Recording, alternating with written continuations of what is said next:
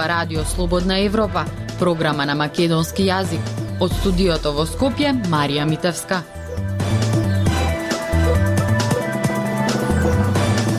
Почитувани во вестите ке слушате какви проблеми во здравствениот систем во земјава ќе наследи новиот министер Бекин Сали. Синдикатот на индустрија, енергетика и рударство против најавите работниците од РЕК да одат на принуден одмор поради енергетската криза. Нема јавни тоалети на македонските автопатишта, покажуваат истражувањата. Останете со нас.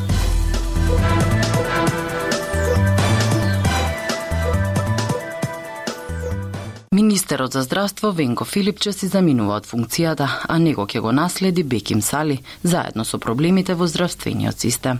Филипче се соочи со пандемија на коронавирус и две епидемии на морбили и грип.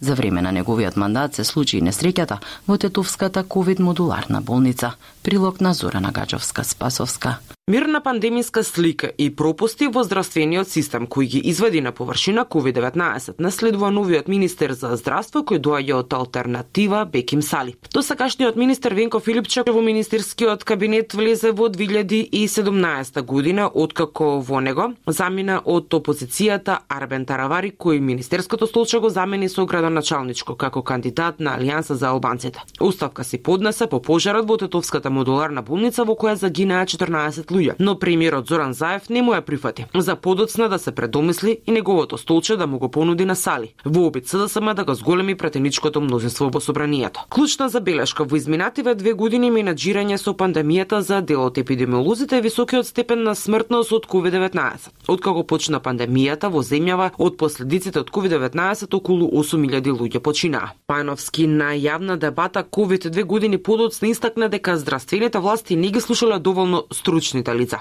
Во сите земји западни, сем во Бугарија од Евроскунија, смртноста паѓа. Не заради тоа што има само вакцини, туку заради успех во лекување. Во Македонија расте.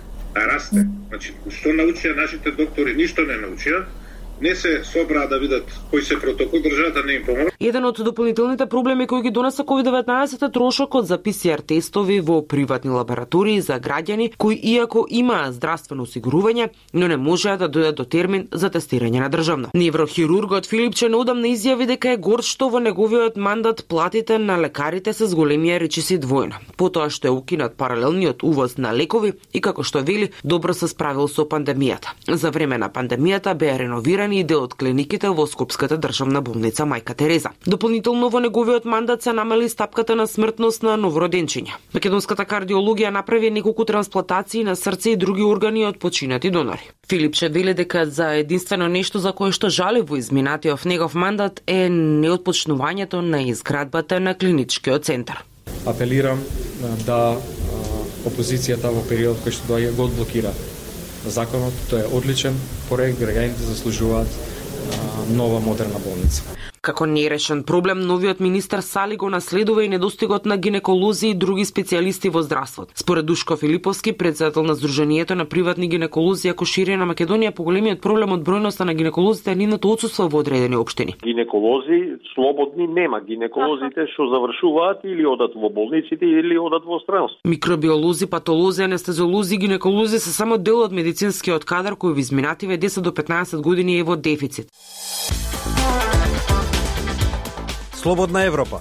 Следете на на Facebook, Twitter и YouTube.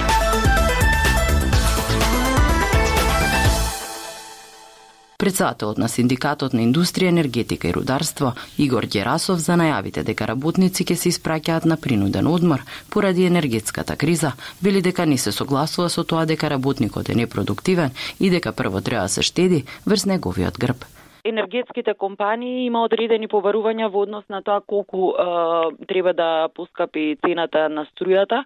Нивните пресметки изнесуваат околу 40 од 100 за разлика од владата која што најави дека струјата нема да да поскапи повеќе од 10 од 100. Колку ова ќе влијае врз енергетските компании и дали може да предизвика отпуштања во секторот доколку е, не ги добијат потребните поварувања. Менеджментот на на компанијата Елем uh, Во тек се разговори дека во наредниот период предлагаат да одат не повеќе од 3 месеци на 70% од вработените, се работи за оние вработени кои се со скратено работно време и ние како синдикат не се сложуваме со овие со овие барања од менеджментот на компанијата и во иднина цело време ќе ги следиме на станите и ќе излеземе со наш став како синдикат нема да бидеме неми наблюдувачи на на процесот там. Кој е практично изговорот на РЕК затоа што ќе ги прати на на принуден одмор овие работници? Ние не можеме да се согласиме дека непродуктивен трошок е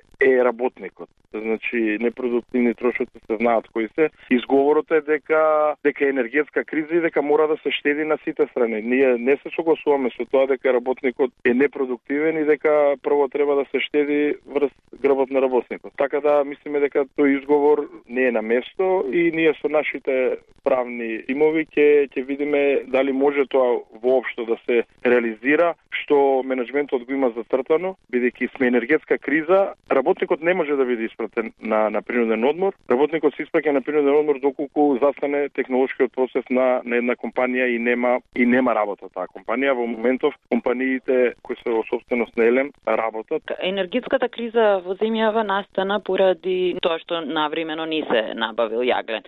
Тенденцијата во светот, па и кај нас е да се производството на јаглен полека да се напушта. Колку да. ова би имало некакви последици по работниците? Нашата влада во изминатиот период, не се сеќавам точно кога, има подпишано дека нашите термо термоцентрали треба да престанат со производство на електрична струја на на јаглен и во одредени ситуации еве да речеме тец неготино на мазот дека до 2030 година тие капацитети треба да бидат еколошки односно зелени зелени капацитети и мислиме дека во наредниот период треба да да работиме повеќе со со менеджментот да седнеме да видиме како е како е стратегијата во однос на на нашите членови односно за на, на нашите работници. До сега од страна на менеджментот немат излезено со официјален став како ќе биде работата во наредниот период односно дали ќе има преструктурирања, отпуштања, евентуално да кажеме тоа е стратегија на владата дали ќе има некои приватизации, така да сега за сега до нас до синдикатите нема стигнато никакво барање од страна на менеджментот да се произнесеме. Дајте ни 15 минути и ние ќе ви го дадеме светот. Слободна Европа.мк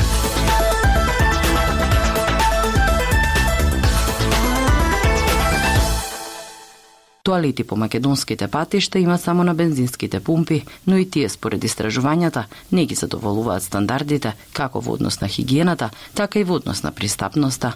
Прилог на Јасмина Јакимова. Секогаш пред да тргне на пат, Илена Курчовска мора да го планира патувањето поради недостигот на јавни тоалети. Како жена и лице со попреченост, Кучовска вели дека зависно од должината на патувањето се воздржува од пиење течности и јадење одредена храна, во зависност од тоа колку долго е патувањето. Пак сето тоа е повторно дополнителен проблем. Кога трпите, кога, нели, искате создава дополнителни проблеми, но повторно јавната слика или првата перцепција вие одма за тоа на кое ниво вие е развојот на самата држава.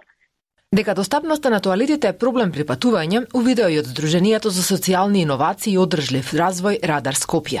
Во истражувањето направено годинава, тие утврдиле дека нема ниту еден јавен тоалет покрај двата автопати, пријателство и мајка Тереза, кои се дел од европските коридори и подлежат на европските стандарди.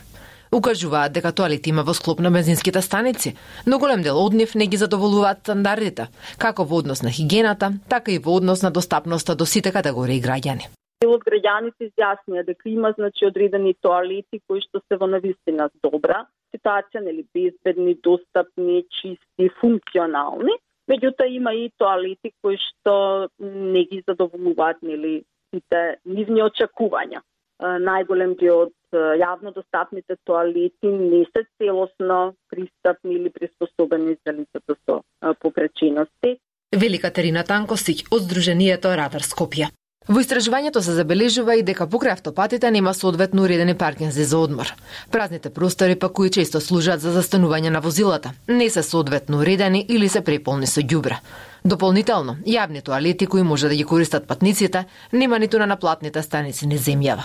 Според проектантката Мила Габуника, Македонија треба да ги следи европските пракси. Она што смета дека е од особена важност е објектот да е пристапен за лица со посебни потреби, да има посебен простор за мажи, жени и деца, а женскиот тоалет да има посебни мијалници за одржување менструална хигиена.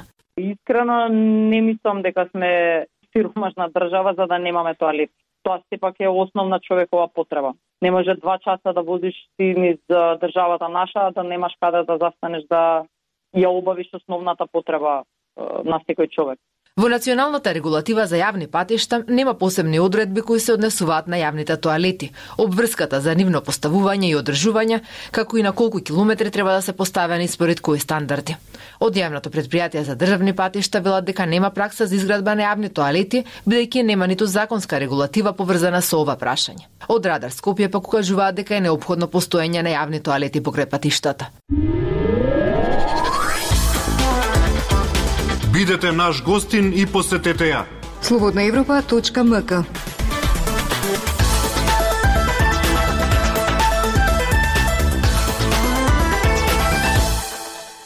Независен уметник што креира своји мали продукции на кратки филмови, пишува поеми, песни, колумни, снима мултимедијални проекти, ете тоа е Мирна Трпкова.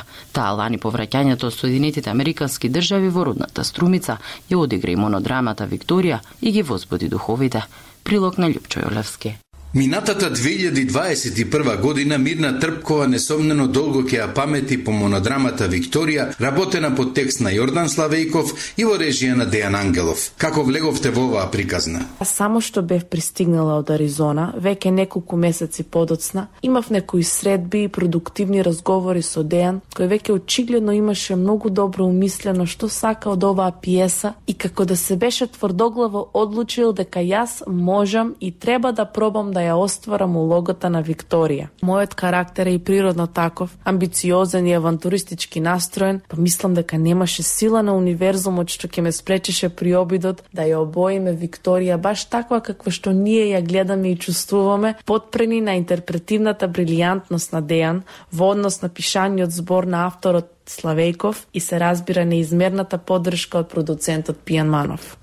Обично се вели дека за монодрама е потребна актерска и животна зрелост. Вие го имавте само искуството од бројни независни проекти во САД и толку. Сепак влеговте во оваа авантура носени од својата смелост и младешки инает. Како се справивте со таквата одлука? Дејан, иако не ми беше некој близок пријател пред да почнеме да соработуваме на оваа монодрама, како да знаел што се имам поминато во изминатите 6 и пол години додека бев во Соединетите Американски држави и дека кој друг, ако не јас, да ја изигра Викторија токму сега. Затоа не мислев многу на некој професионален план, повеќе на духовен и интуитивен, како се да е точно така како што треба да биде. Колку е Викторија одраз и на она што вие лично го носите во себе, на времето и средината во кој живееме. Конечно, расте ли и се трансформира Викторија со секоја следна изведба, со секое ваше излегување на сцена?